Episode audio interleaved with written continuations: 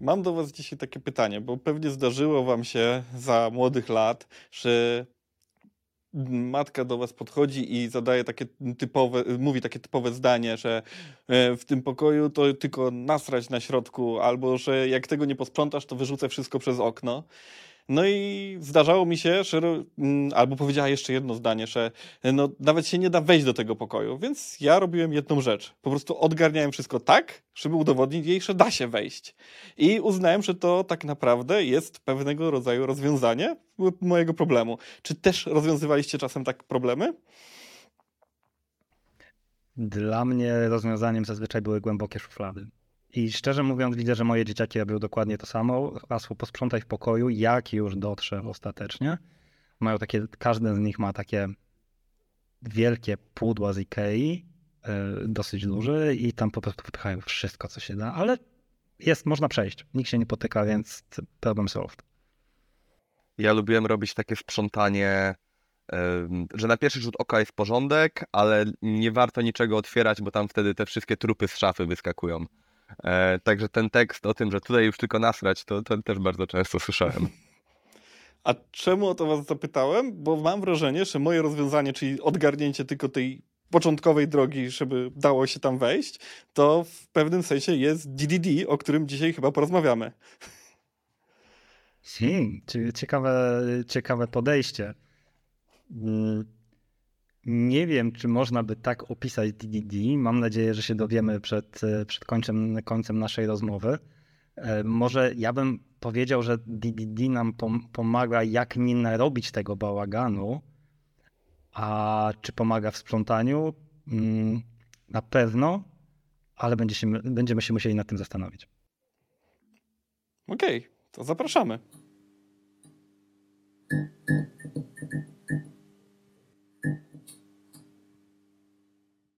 Naszym i waszym gościem dzisiaj jest Paweł Strzałkowski, senior Ruby on Rails developer e, w firmie Visuality, e, jak i również, e, no ja pozwolę sobie tak ciebie nazwać, Pawle, ekspert, jeżeli chodzi o DDD. A czym DDD jest? Porozmawiamy sobie dzisiaj, pobawimy się trochę w DDD for Dummies, gdzie rolę tego dummy będę pewnie pełnił ja. ja. Bardzo mi ciebie mile przywitać, Pawle. Cześć, bardzo dziękuję za zaproszenie. E, no to może Paweł zacznijmy z wysokiego C. E, czym właściwie jest to DDD, gdybyśmy mieli się nad tym zastanowić? Wow, to będzie dosyć długa opowieść, ale postaram się ją skrócić, żeby, e, żeby, żeby jakoś do tego dojść. Natomiast nie da się tego zamknąć w jednym zdaniu. Choćby nie, wiedzieć, nie, nie wiedzieć, jak próbować, nie da się tego zamknąć w jednym zdaniu ale może spróbujemy powiedzieć tak. To jest DDD, e, czyli Domain Driven Design, tak to się rozwija. To podejście do tworzenia oprogramowania, w którym tworzymy implementację tego programu w ten sposób, aby odwzorować to, jak naprawdę działa biznes. I robimy to zgodnie z wiedzą tak zwanych ekspertów domenowych, czyli de facto ludzi, którzy ten biznes prowadzą. No, czy, nieważne, czy pracują, czy założyli ten biznes, czy, nim, czy pracują w jakimś e, biurze, w jego dziale i tak dalej, to ci ludzie mają wiedzę, jak to wszystko powinno działać. No bo, no bo pomyślcie, praktycznie w każdym projekcie, przynajmniej takim, który ja widziałem, programiści wymyślają rozwiązanie, rozwiązania, które nie mają tak absolutnie nic wspólnego ze stroną biznesową jakieś wydumane modele danych i metody zrozumiałe no dosłownie dla ludzi, którzy to co najmniej 10 lat w IT spędzili. E, albo tworzymy bardzo często, mówię my, bo ja oczywiście też, jakąś abstrakcyjną logikę, jakieś rekordy w bazie danych, których gdyby chcieć biznesowi wytłumaczyć, po co one są, to się nie da. Albo tworzymy jakieś takie związki przyczynowo-skutkowe między elementami systemu, które nam się wydają oczywiste, bo my wiemy, jak to działa tam na poziomie bazy danych, frameworku, czegokolwiek, ale od strony biznesowej nie ma, nie ma żadnego, żadnego sensu. Więc Domain Driven Design mówi nam, żebyśmy tak tego nie robili, tylko żebyśmy pisali to oprogramowanie tak, żeby bardzo dobrze odzwierciedlało to, po co ono w ogóle powstało dla, e, dla, dla biznesu i co ten biznes tak naprawdę od nas od nas chce. E, ale tak to wyglądało przez bardzo wiele lat. Mm, mm, były, jak, tak jak przychodzą coraz to nowi, nowi ludzie do IT, no to robią to generalnie wszyscy tak samo, po, wszyscy tak samo popełniamy te same błędy. No, po trochu może to też dlatego, że my jako programiści, nie mówię, że w każdej firmie, ale często tak wygląda, że my rozmawiamy z project managerami, a nie z biznesem. Ten półtechniczny project manager zazwyczaj rozmawiał powiedzmy z ćwierć technicznym product ownerem. A ten dostał zlecenie, zadanie od jakichś ludzi, którzy są albo bardziej techniczni, albo mniej. I gdzieś tam po drodze już na pewno powstały jakieś rozwiązania. Ten project manager, ten, czy ten project owner na pewno już bardzo często po drodze wymyśla, hej, to robicie taką tabelkę do bazy danych, zrobicie tam takie kolumny i to wtedy będzie działać pół dnia i będzie. No i ten biedny programista dostaje te swoje pół Mendeya na wklepanie tego. Jeszcze wszyscy mu powtarzają, że to takie proste, bo oni to wszystko już wcześniej wymyślili. E, no i powstają takie potworki i takie powiedzmy legacy potworki, które potem się ciężko, ciężko rozwija albo nie wiadomo co z tym zrobić. No i tutaj w 2003 roku wchodzi Eric Evans, cały na biało i opisuje jak to można zrobić lepiej w książce w długim tytule Domain Driven Design Tackling Complexity in the Heart of Software. I, no i generalnie to, to, nie wymyślił nic nowego, bo te tematy, bo tak jak w przyrodzie nie ma nic nowego i nic nie ginie, e, te tematy oczywiście były dostępne, tylko on je trochę inaczej poukładał, zebrał w jakąś spójną metodologię, metodykę, heurystyki i, i ogólnie utworzył trochę pojęć, trochę, trochę zaadoptował, trochę utworzył, wydał tę, wydał tę książkę. E, I e, no cóż, no generalnie została bardzo dobrze przyjęta i przez ostatnie te 20 lat e, przechodzi jakieś kolejne, kolejne powiedzmy ewolucje. No i jest takim tematem, który jest mocno, coraz bardziej się mocno rozprzestrzenia po, po internecie, w świadomości deweloperów. W niektórych technologiach bardziej, w niektórych mniej. Najbardziej w takich typu Java, C Sharp, E, trochę, trochę mniej w takiej jak mojej technologii, e, jak Ruby, chociaż tutaj też mamy trochę, e, trochę entuzjastów tego i, i generalnie w tym, w tym całym domain driven design jest bardzo dużo konceptów, które, które można zaaplikować zarówno do projektowania systemów, jak i do wdrażania ich potem. To taka, takie pierwsze, pierwsze rozwinięcie, tak jak mówiłem, to nie będzie pierwszym zdaniem, jednym zdaniem, natomiast mogę wam jeszcze powiedzieć tak, no bo na razie tak założy, e, powiedziałem jak, je, jak jest, jak nie powinno być, mogę jeszcze zanurkować trochę jak to powinno wyglądać, tak jak to Evans opisuje. Czy lecimy dalej, czy masz może jakieś pytanie? Dajesz, opisuj jak to powinno być. No dobra. No więc powiedziałem, że um, chcemy stworzyć oprogramowanie, które będzie oddawało to, jak, jak działa biznes. E, więc na samym początku musimy się dowiedzieć, jak robimy takie rzeczy jak DDD, musimy się dowiedzieć, o co chodzi w tym biznesie. Tak po prostu, pójść, porozmawiać. Tu są różne narzędzia, do tego może na przykład jedno bardzo znane i bardzo fajne narzędzie, taki workshop Event Storming, jest bardzo powiązany, z DDD, e, ale no, na różne sposoby możemy się dowiedzieć, jak to działa. I tutaj DDD nam mówi bardzo, bardzo e, konkret, konkretną wskazówkę. Hej, ta, ta firma, dla której to robisz, to nie jest jedna, jeden dział, jeden taki monolit wielki, tylko tam są różne problemy do rozwiązania. E, I, i DDD nam mówi, dobra, to, to najpierw zidentyfikuj te problemy. I my je nazywamy subdomenami tej domeny biznesowej głównej, ok. E, I, te, I potem mówimy sobie, dobra, to skoro mamy różne takie przestrzenie problemo, problemowe, bo mamy dział, na przykład dział sprzedaży i dział marketingu, e, mamy magazyn i mamy reklamację. Mm, więc ogólnie tak naprawdę problemy tych działów należałoby rozwiązywać e, osobno. To niekoniecznie, trzeba, niekoniecznie to muszą być tak wprost działy tej firmy, bo to długa historia, żeby opowiedzieć dlaczego tak, dlaczego nie. Natomiast dzielimy nasze, nasze oprogramowanie, nasze, naszą aplikację na tak jakby takie części, które, w których w każdym będziemy rozwiązywać pewien, e, pewien, pewien podby naszych problemów.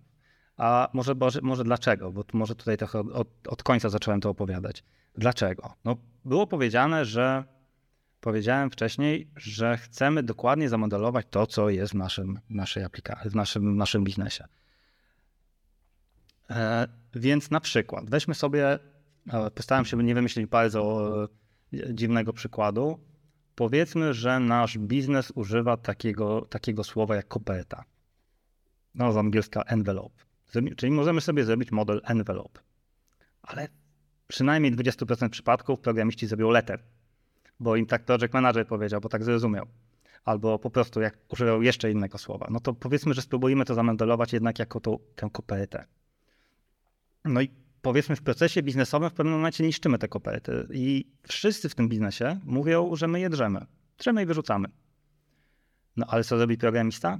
Metodę destroy. Albo w najlepszym razie delete, nie? No bo, no bo przecież tak to jest po języku IT. Ale tutaj Evans mówi nie. Musimy zrobić coś, taką, taką więź między programistami i między tym, tą, tą stroną bizneso, biznesową. Musimy się nauczyć mówić jednym językiem. I on to nazwał taką cudownie niewypowiadalną nazwą, jak ubiquitous language, czy się na polski tłumaczy albo wszędobylski, albo wszechobecny język. Po to, żeby, e, po to, żeby IT i biznes nauczyło się rozmawiać jednym językiem. No i teraz, przepraszam za słów Spoko. No i teraz idea jest taka, żebyśmy zaprogramowali to wszystko, używając dokładnie tego języka, którego się nauczyliśmy od biznesu. Czyli jak coś się jakoś nazywa, to tak się ma nazywać w kodzie. Jeżeli jest jakaś operacja na tym, to to ma się dokładnie tak samo nazywać w kodzie. I nagle się okazuje, że rozmowy między IT i biznesem są dużo łatwiejsze, bo rozmawiamy tym samym językiem. Tylko tu się pojawia problem. Mm, jeżeli mamy kilka działów, weźmy sobie taki jakiś super, mega oklepany przykład, e, sprzedaż internetowa. No tam wszyscy wiedzą, jak to działa, więc nie trzeba tłumaczyć domeny. No i co to jest produkt? No bo rozmawiamy z naszym biznesem i rozmawiamy o produkcie. To ten produkt jest zupełnie czym innym w zależności od tego, z kim rozmawiasz. Bo jeżeli robisz katalog produktów, no to jest coś, co ma tam 50 atrybutów i trzeba je po prostu wpisać. Ale nie ma żadnej logiki biznesowej. A jeżeli dział, rozmawiasz na przykład z działem wysyłki, no to produkt to jest taka paczka, co ileś tam, taki, taki sześcian, tam prostopadłośnia, który ileś waży i może ma tytuł, bo coś trzeba napisać. E, tak samo magazyn. Dla magazynu to jest waga. On, nawet dla nich to jest nieważne, czy to jest e, książka ta, czy ta, bo dla nich to oni wiem, wydadzą którąkolwiek.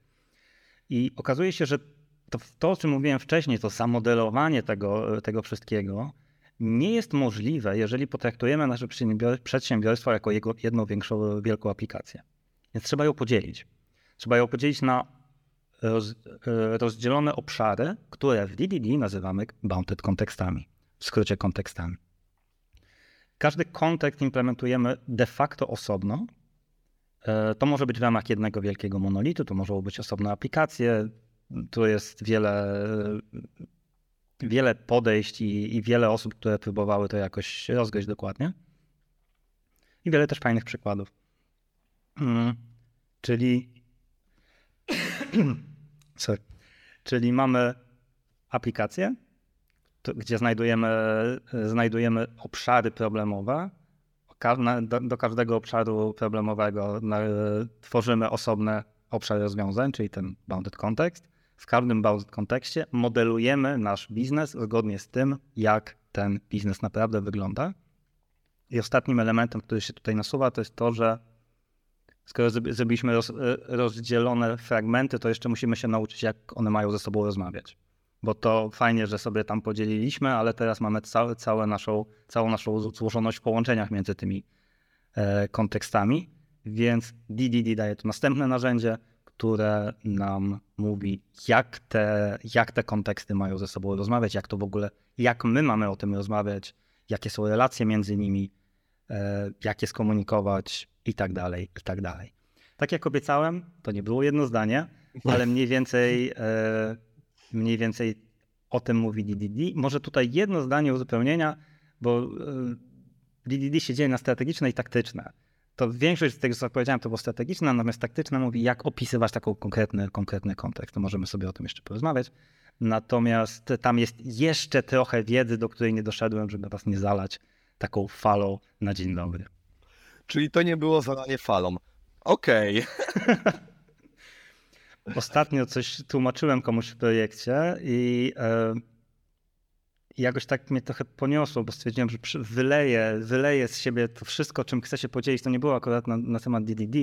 E, I na koniec stwierdziłem, że trochę się zachowałem jak, jak Neo w Matrixie, tylko nie dałem jednej czerwonej pigułki, tylko pięć naraz.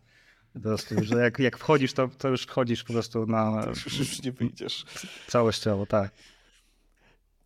Ja mam takie pytanie, czy nie masz takiego wrażenia, mm, pracując w DDD, czy że to jest po, mm, w pewnym sensie rozwiązywanie problemów przez powiedzmy programistów, które powinny być zaadresowane przez kogoś zupełnie innego.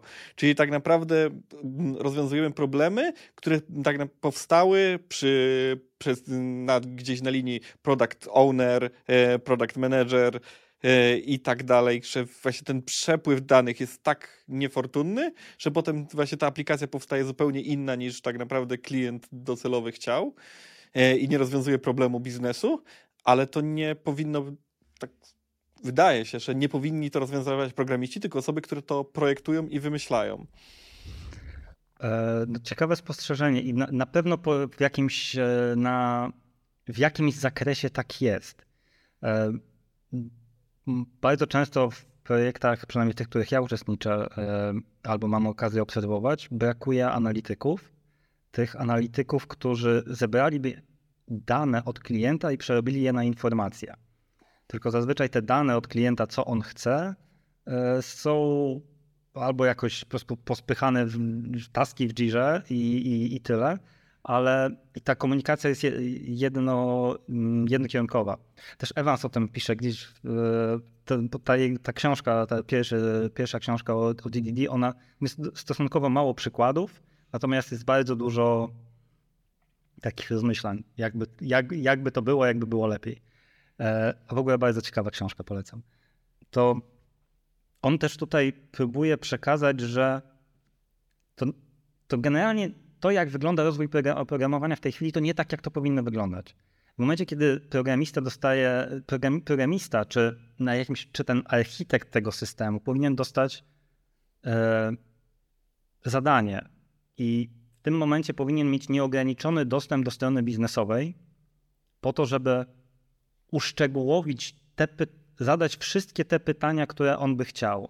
I teraz, czy to rozwiążemy na etapie architekta, który to zaprojektuje i potem będzie rozdawał to programistom, ale wydaje mi się, że to akurat powinno działać na wszystkich, na wszystkich etapach, czyli najpierw jakiś tam architekt dostaje zadanie, dopytuje biznesu ile tylko może, potem przekazuje jakąś, jakiś podzły zadania e, programiście i programista też dopytuje. I to też nawet niekoniecznie tego architekta, tylko znowu wracając do biznesu.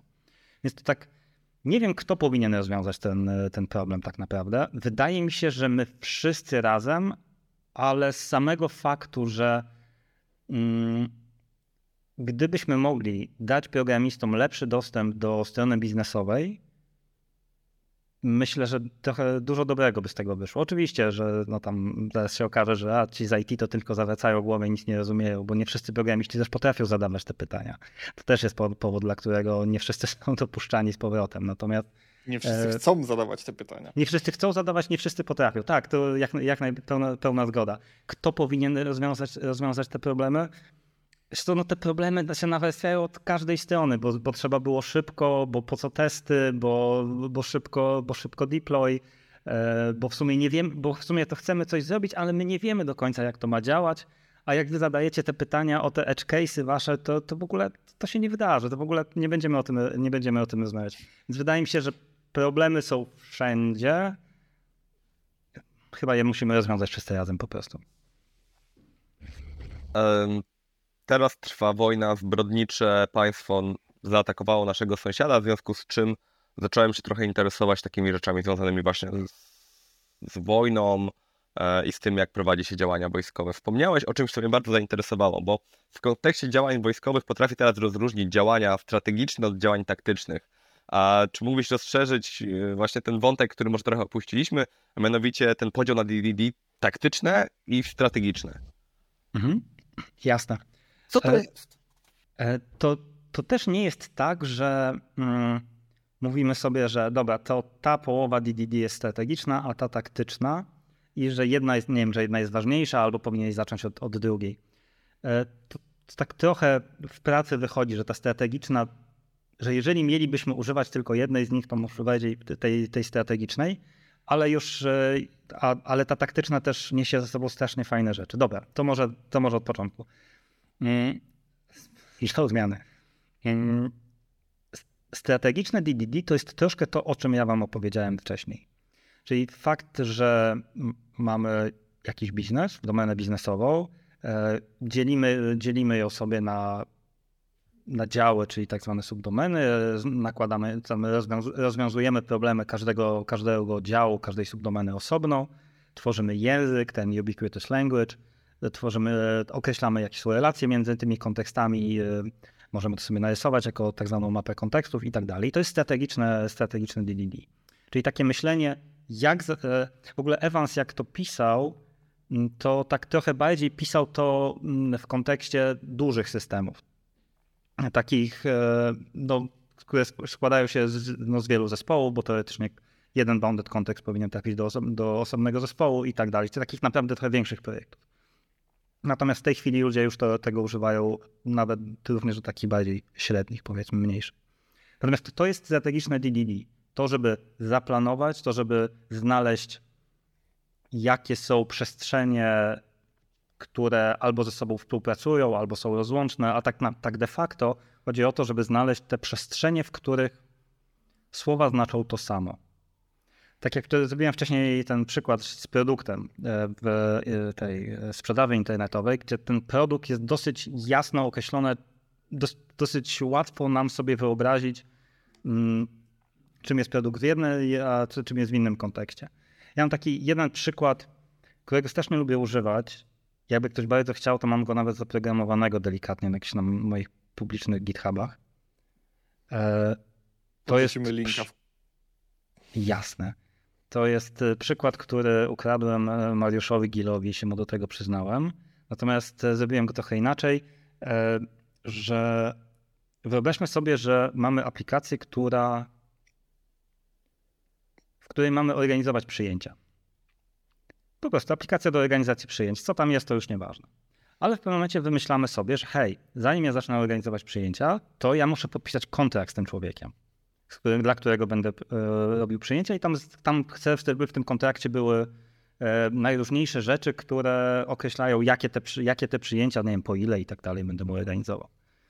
Jak popatrzymy na to w, e, w kontekście DDD strategicznego, to możemy sobie wymyśleć, że fakt, że ja najpierw będę negocjował kon kontrakt, a później będę robił przyjęcia, ale tylko jeżeli ten kontrakt zostanie wynegocjowany, to są dwa, dwa zupełnie osobne problemy. Na przykład nie będę nigdy organizował przyjęcia, jeżeli nie mam, nie mam kontraktu. Albo nie, nie będę myślał w ogóle o przyjęciach, jeżeli nie skończę, nie, nie sfinalizuję e, negocjacji kontraktu. Więc jak takim trochę delikatnym nawet doświadczeniem w tym DD strategicznym, możemy zobaczyć, że niektóre aplikacje bardzo łatwo rozdzielić na dwie niezwiązane ze sobą części albo bardzo lekko ze sobą e, e, powiązane części. Mm. I tego nas uczy to strategiczne DDD. Bardzo fajne narzędzie, Wiele osób mówi, że jeżeli właśnie, jeżeli chcesz używać tylko części DDD, e, to, to skoncentruj się na tym strategicznym, bo to się nie może nie przydać na dłuższą metę. Mm, I najważniejszy jest tu ten język, e, bo dzięki to on mniej więcej określa, jak, jak, duże, są, jak duże są te konteksty, bo słowo kontrakt, chociażby w tym ostatnim przykładzie, w jednym kontekście oznacza coś, co jest negocjowane, a w drugim kontekście oznacza coś, co po prostu jest kawałkiem papieru podpisanym i tam jest coś napisane na nim. I to są warunki, one są już praktycznie niezmienialne. E, ok, strategiczne. No i teraz taktyczne, to, które szczerze mówiąc mi sprawia, mi sprawia więcej e, przyjemności na co dzień, przyjemności powiedzmy, ale e, więcej frajdy, bo też dużo łatwiej do niego podejść i programista na dowolnym poziomie mm, doświadczenia może zacząć go używać. A taktyczne DDD to jest zestaw takich patternów, z braku lepszego słowa, i, i narzędzi w sensie sposobów modelowania mm, danych, czy metod, czy tam jakichś funkcjonalności, w ten sposób, żeby móc, znowu to, to słowo, zamodelować e, e, domenę naszej aplikacji, czyli te, te wszystkie tam obiekty i powiązania między nimi, e, w ten sposób, żeby właśnie po pierwsze odpowiadały tym potrzebom biznesowym, a po drugie, tak, taką centralną, centralnym bytem czy pojęciem taktycznego DDD jest coś, co się nazywa agregat. To jest super fajne słowo, bo znaczy przynajmniej 10 rzeczy w każdym języku, w którym jest używana. To e, prawda. Więc jak już odfiltrujemy sobie agregaty prądotwórcze, to e, dojdziemy do tego, że agregat to jest takie, taki koncept, e, podam tylko ten jeden przykład, że, który sprawia, że jeżeli sobie zamodulujemy w pewien, sposób kilka obiektów, dajmy na to nie wiem, super znowu oklepany przykład i nie zawsze prawdziwy, ale na przykład zamówienie i elementy tego zamówienia jeżeli usunę jeden element zamówienia, to to zamówienie też zmienia swój stan. I to zamówienie ma jakieś reguły biznesowe, które, mi, które mówią, że na przykład, hej, to zamówienie już zostało wysłane, więc nie, nie, nie, nie, nie, możesz nic usuwać. Więc jeżeli mamy taki zestaw obiektów i reguły biznesowe, które, które powinny być chronione między nimi, to możemy tworzyć, znowu koncepcyjna rzecz, tak zwany agregat, który sprawia, jak go dobrze zamodelujemy, że to jest taki byt w naszym kodzie, który będzie pilnował, e, pilnował reguł biznesowych po prostu pomiędzy naszymi obiektami. Więc mamy takie rzeczy jak agregaty, value objecty, nie, nie potrafię tego tłumaczyć i nie przychodzi mi to przez gardło, e, czy repozytoria, zdarzenia domenowe, które są też bardzo ciekawym, całym dużym tematem nie wiem, serwisy aplikacyjne, domenowe. Jest tam, jest tam trochę, ta, ta lista jest tak, tak między 7 a 10 pozycji. Mm, natomiast to jest zestaw narzędzi dla każdego programisty. Przynajmniej dla każdego programisty, który nie chce programować tak, że e, może się uda. E, na pewno dwa requesty nie przyjdą do, do mojej aplikacji naraz. Na pewno nie będzie żadnych wyścigów. Bardzo dużo widziałem takich aplikacji, gdzie w ogóle ludzie nie chcą o tym myśleć. Bo po co? Bo to nie, bo to się nie wydarzy, a nawet jak się wydarzy, to przecież nic się nie stanie. No i tak od jakiegoś czasu widzę coraz więcej takich zgłoszeń, że hej, a tu nagle się okazuje, że pięć requestów przychodzi na raz i nie wiemy, co z tym zrobić. E, przypadek z zeszłego tygodnia. Mm, więc e, taktyczne DDD mówi nam, jak zamodelować te, te wszystkie rzeczy e, w naszym kodzie, żeby to wszystko było spójne i, no i generalnie czytelne, spójne i, i, i dobrze działało. O, tak. Taktyczne jest gdzieś tam bardziej na poziomie kodu i modelowania kodu, a strategiczne na, e, po to, żeby wiedzieć, jak tę aplikację w ogóle, z jakich kawałków powinna się składać, jak te kawałki powinny ze sobą rozmawiać.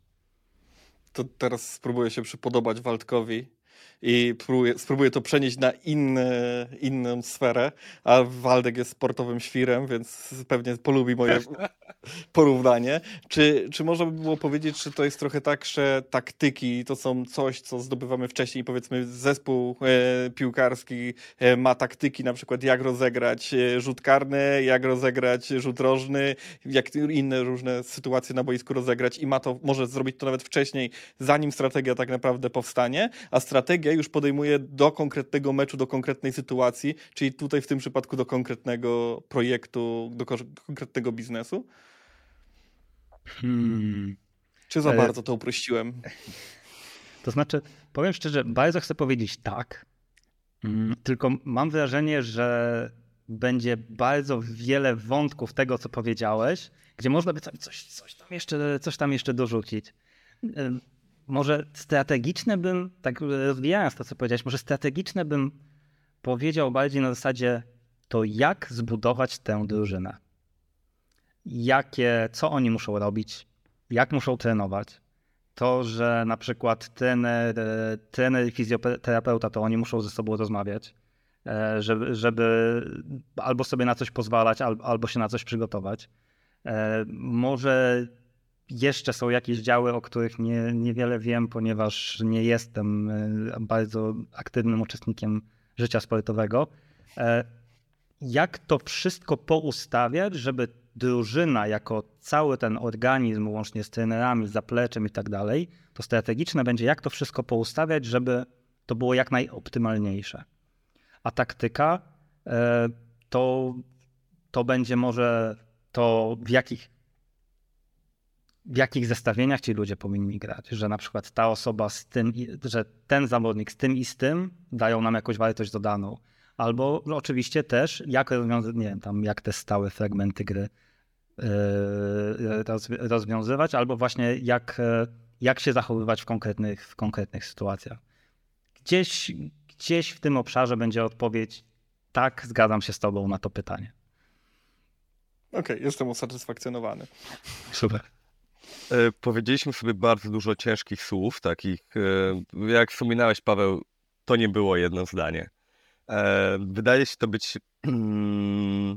wydaje się to być rzeczą nie najłatwiejszą. no to też można by się było zastanowić, czy zawsze warto jest stosować DDD. Mhm. Domyślam, domyślam się, że to to zależy, jak zwykle, e, ale może czy przychodzą ci do głowy jakieś takie sytuacje, w których w oczywisty sposób nie opłaca się tego robić? Tak, masz, masz yy, pełną rację, że to nie zawsze jest coś, czego chcemy używać. DDD nam daje spory narzut takiego, hmm, chcąc, chcąc myślenia. A, a czasami to to nie jest tak do końca potrzebne. Pewne rzeczy możemy po prostu zaprogramować, a najczęściej to są takie rzeczy, takie typowe krudy. Kiedy, kiedy nie ma logiki biznesowej, kiedy coś zawsze możemy zmienić. Jeżeli mamy formularze, gdzie mamy, nie wiem, katalog produktów chociażby, jest świetnym przykładem. Tam po prostu dodajemy produkty. Możemy zmienić każdy atrybut i on nie będzie miał wpływu na, na nic innego. Zmienimy, to zmienimy i tyle. Usuniemy, to usuniemy. E, wtedy używamy prostszych rozwiązań, e, czyli takich chociażby, nie wiem, mm, patternów jak e, wiem, Active Record, gdzie po prostu mamy jakieś tam obiekty i każdy atrybut się mapuje na, na bazę danych bezpośrednio. E, ale w momencie, kiedy dochodzi nam pewna logika biznesowa, właśnie mamy obiekty, które mają jakiś cykl życia, który wychodzi poza jakąś prostą maszynę stanów, gdzie mamy wie, wie, wiele obiektów, które ze sobą jakiś, jest jakaś interakcja między nimi i znowu jakaś, jakaś logika biznesowa, to wtedy możemy się, możemy się zacząć zastanawiać, że hej, rzeczywiście może potrzebujemy trochę lepszych narzędzi typu taktyczne DDD, żeby to, żeby to yy, opisać. Bo kiedy będziemy używać tych prostszych narzędzi, yy, takich, jak, jakiegoś takiego pro, prostszego modelowania, to, to cały czas nam będziemy mieli cały czas wrażenie, że coś nie działa. Że ciągle mamy jakieś bugi, że, mm, że ktoś nam źle powiedział albo ktoś źle zrobił. Także DDD się jako to taktyczne się przydaje głównie wtedy, kiedy mamy trochę bardziej złożoną, złożony biznes. Tylko z, jedną uwagą. Tak jak wcześniej powiedziałem, strategiczny DDD mówi nam, że hej, możemy nasze, nasze nasze problemy, problemy, no, taka nasza praca, ale tę aplikację możemy rozdzielić na różne problemy i, y, i na, różne, na różne przestrzenie rozwiązań. I też nam strategiczne mówi, że hej, nie wszystkie są ważne. Niektóre z tych przestrzeni to jest y, to, jest to że sobie zainstalujemy Jira albo y, do, do tego, żeby tam zarządzać na przykład zadaniami, czy nie wiem, Trello. Mm, albo kupimy gotowy, gotowy program magazynowy albo właśnie inny, inny, inna część naszego biznesu to będzie katalog produktów, no to tam znowu zrobimy krudy. Ale może jak dojdziemy do sprzedaży, to może tam jest jakaś trochę bardziej złożona logika biznesowa i w tej części możemy użyć taktycznego DDD. Więc e, wracając trochę do, do samego pytania, DDD jako taki, jako zestaw wiedzy, ta piguła wiedzy przyda nam się zawsze. Ale może czasem po to, żeby powiedzieć, tutaj nie jest to potrzebne bo to strategiczne będzie przydatne zawsze po to, żeby podjąć pewne strategiczne decyzje. I być może jedną z tych decyzji będzie, tak, będzie to, że hej, tego taktycznego nie potrzebujemy, zrobimy to w łatwiejszy sposób. Bo na pewno daje też DDD narzut, DDD e, daje nam też narzut czasowy. Jeżeli trzeba pomyśleć i trzeba to w bardziej złożony sposób zakodować, no to to też trwa. Okej. Okay. Ja mam jeszcze jedno pytanie, bo mieliśmy takie spotkanie przed dzisiejszym nagraniem, gdzie trochę przygotowywaliśmy agendę, etc., etc. I tam pojawił się taki wątek, e, taki Wojtek, Wojtek też się pojawił, ale pojawił się też taki wątek e, tego, że istnieją dwie drogi e, w DDD. Jed, przedstawicielem, to wszystko tutaj w cudzysłowie, w cudzysłow, w cudzysłów sobie włóżmy, że przedstawicielem jednej z tych dróg jesteś ty, a, a trochę inne podejście ma, ma Andrzej Krzywda, który też był naszym gościem. Zapraszam do odcinka z Andrzejem Krzywdą. E, I teraz, gdyby zrobić taki pojedynek Godzilla kontra Mecha Godzilla, ja nie będę mówił, kto jest kto, e, ale czy mógłbyś spróbować wyjaśnić w trzech zdaniach, skoro nie w jednym, na czym ta różnica polega i czy jest, czy ona jest naprawdę duża, czy tak naprawdę zgadzacie się co do sedna, a różnicie się tylko w detalach? Przede wszystkim y, na pewno bym nie powiedział Godzilla kontra Mecha Godzilla, ponieważ rola Andrzeja Krzywdy w, w świecie Ruby on Rails i DDD jest nieporównywalnie większa niż moja. Mm. Y, Andrzej i Arkansas od, y, i całe środowisko gdzieś tam wokół Wrocławia od bardzo wielu lat e, myśli o DDD i zastanawia się, jak to zrobić jak najlepiej. I efektem tego, tego myślenia, wielu konferencji, wielu spotkań i tak e, jest narzędzie Race Event Store, na którym opiera się modelowanie aplikacji DDD powiedzmy ich wydaniu, natomiast nie chcę tutaj e, wyznaczać żadnych, żadnych granic, bo sam jestem też takim malutkim kontrybutorem do jednego z projektów Race Event Store. E, I to podejście, które, e, które właśnie tam, e, tam powstało, opiera się o ten Race Event Store i opiera się o taką technikę mm, zwaną Event Sourcing. Jest to technika zapisywania obiektów za pomocą zdarzeń, które, które, które się składają na, na to, czym ten obiekt jest. Sam event sourcing jest e, niesamowitą technologią i też e, zdarzyło mi się dawać prezentacje na ten temat.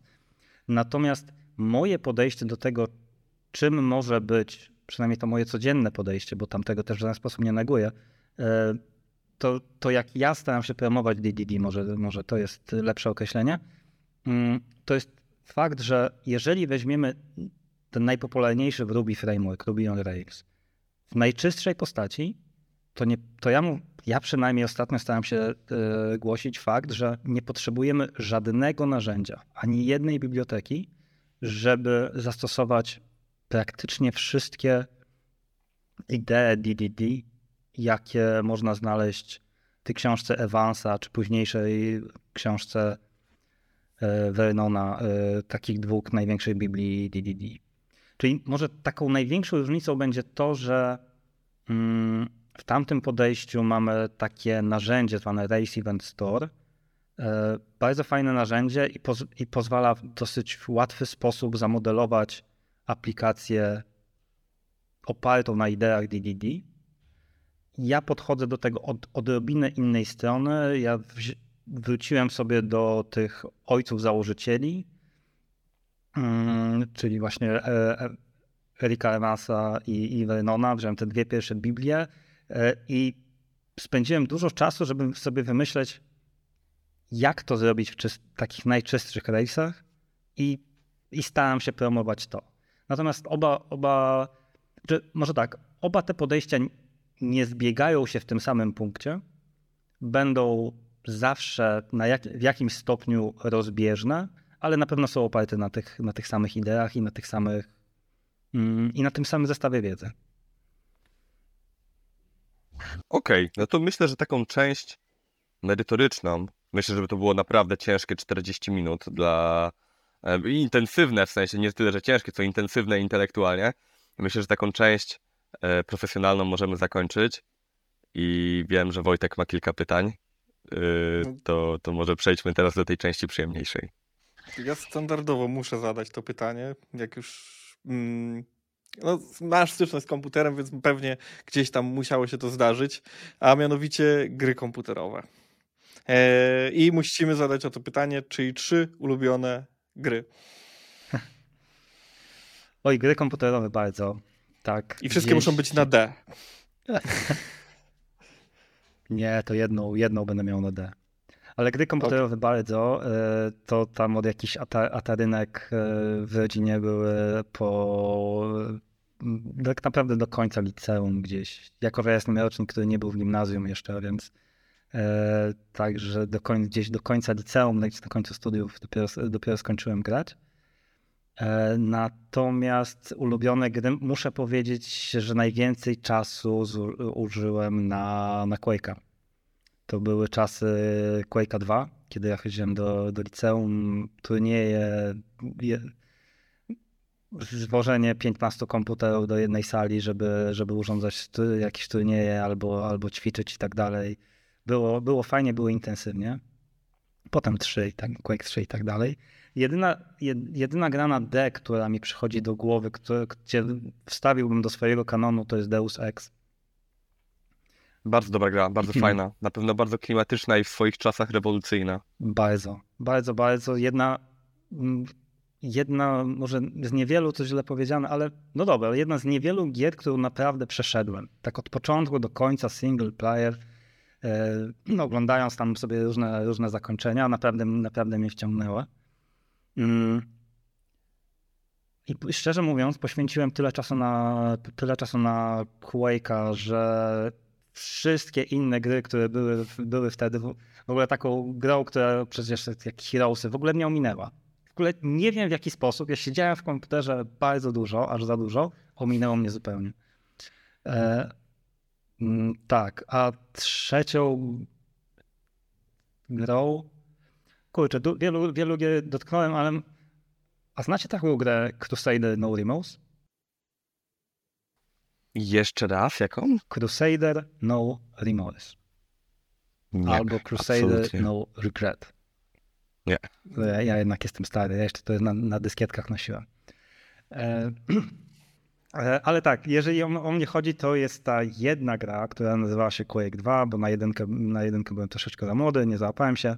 Quake'a 2 przeżyłem całe, całe liceum i, i z trójką trochę, trochę studiów. Więc byłem bardzo monotematyczny i stały, stały w uczuciach. Czyli nie zaprosimy cię na nasze mecze Quake'a, bo byś nas pozabijał. Wiesz co? Mm, to zależy. To zależy, czy jesteśmy dobrzy. Odpowiedź. Nie, nie jesteśmy. Także. Także nie, pewnie byś nam zaorał.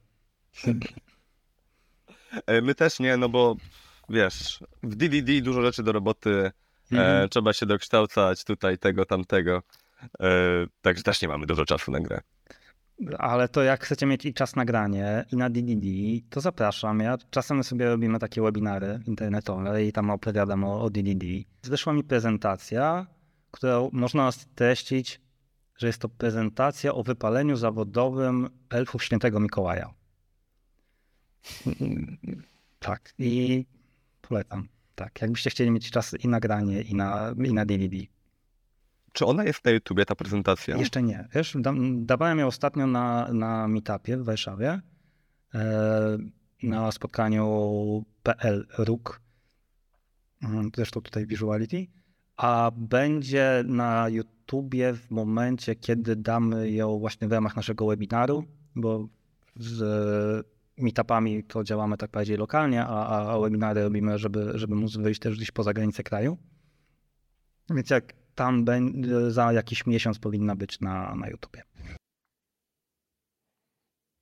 Okej, okay. okay. no to w takim razie kończąc nasze dzisiejsze spotkanie, dziękujemy Ci bardzo, Pawle. E, dla chętnych, Wojtek, chyba wrzucimy w opis e, jedno z Twoich wystąpień, Paweł. To na którym my też bazowaliśmy przygotowanie do dzisiejszego podcastu. E, także pozwolimy sobie wrzucić w opisie. To ja bym wrzucił to, webinar, no i ten fragment do GitHuba. o, dokładnie. Na pewno kilka linków się znajdzie. Bardzo Wam dziękuję za zaproszenie. Fajnie było pogadać. Dziękujemy Dzięki Ci bardzo. również za tę pigułę wiedzy. E, I tych, co lubią robić zadania z gwiazdką, zapraszamy w opis filmiku. Tam będą na pewno materiały, które poszerzą dzisiejszy temat. Dzięki. Dzięki. Dzięki. Cześć.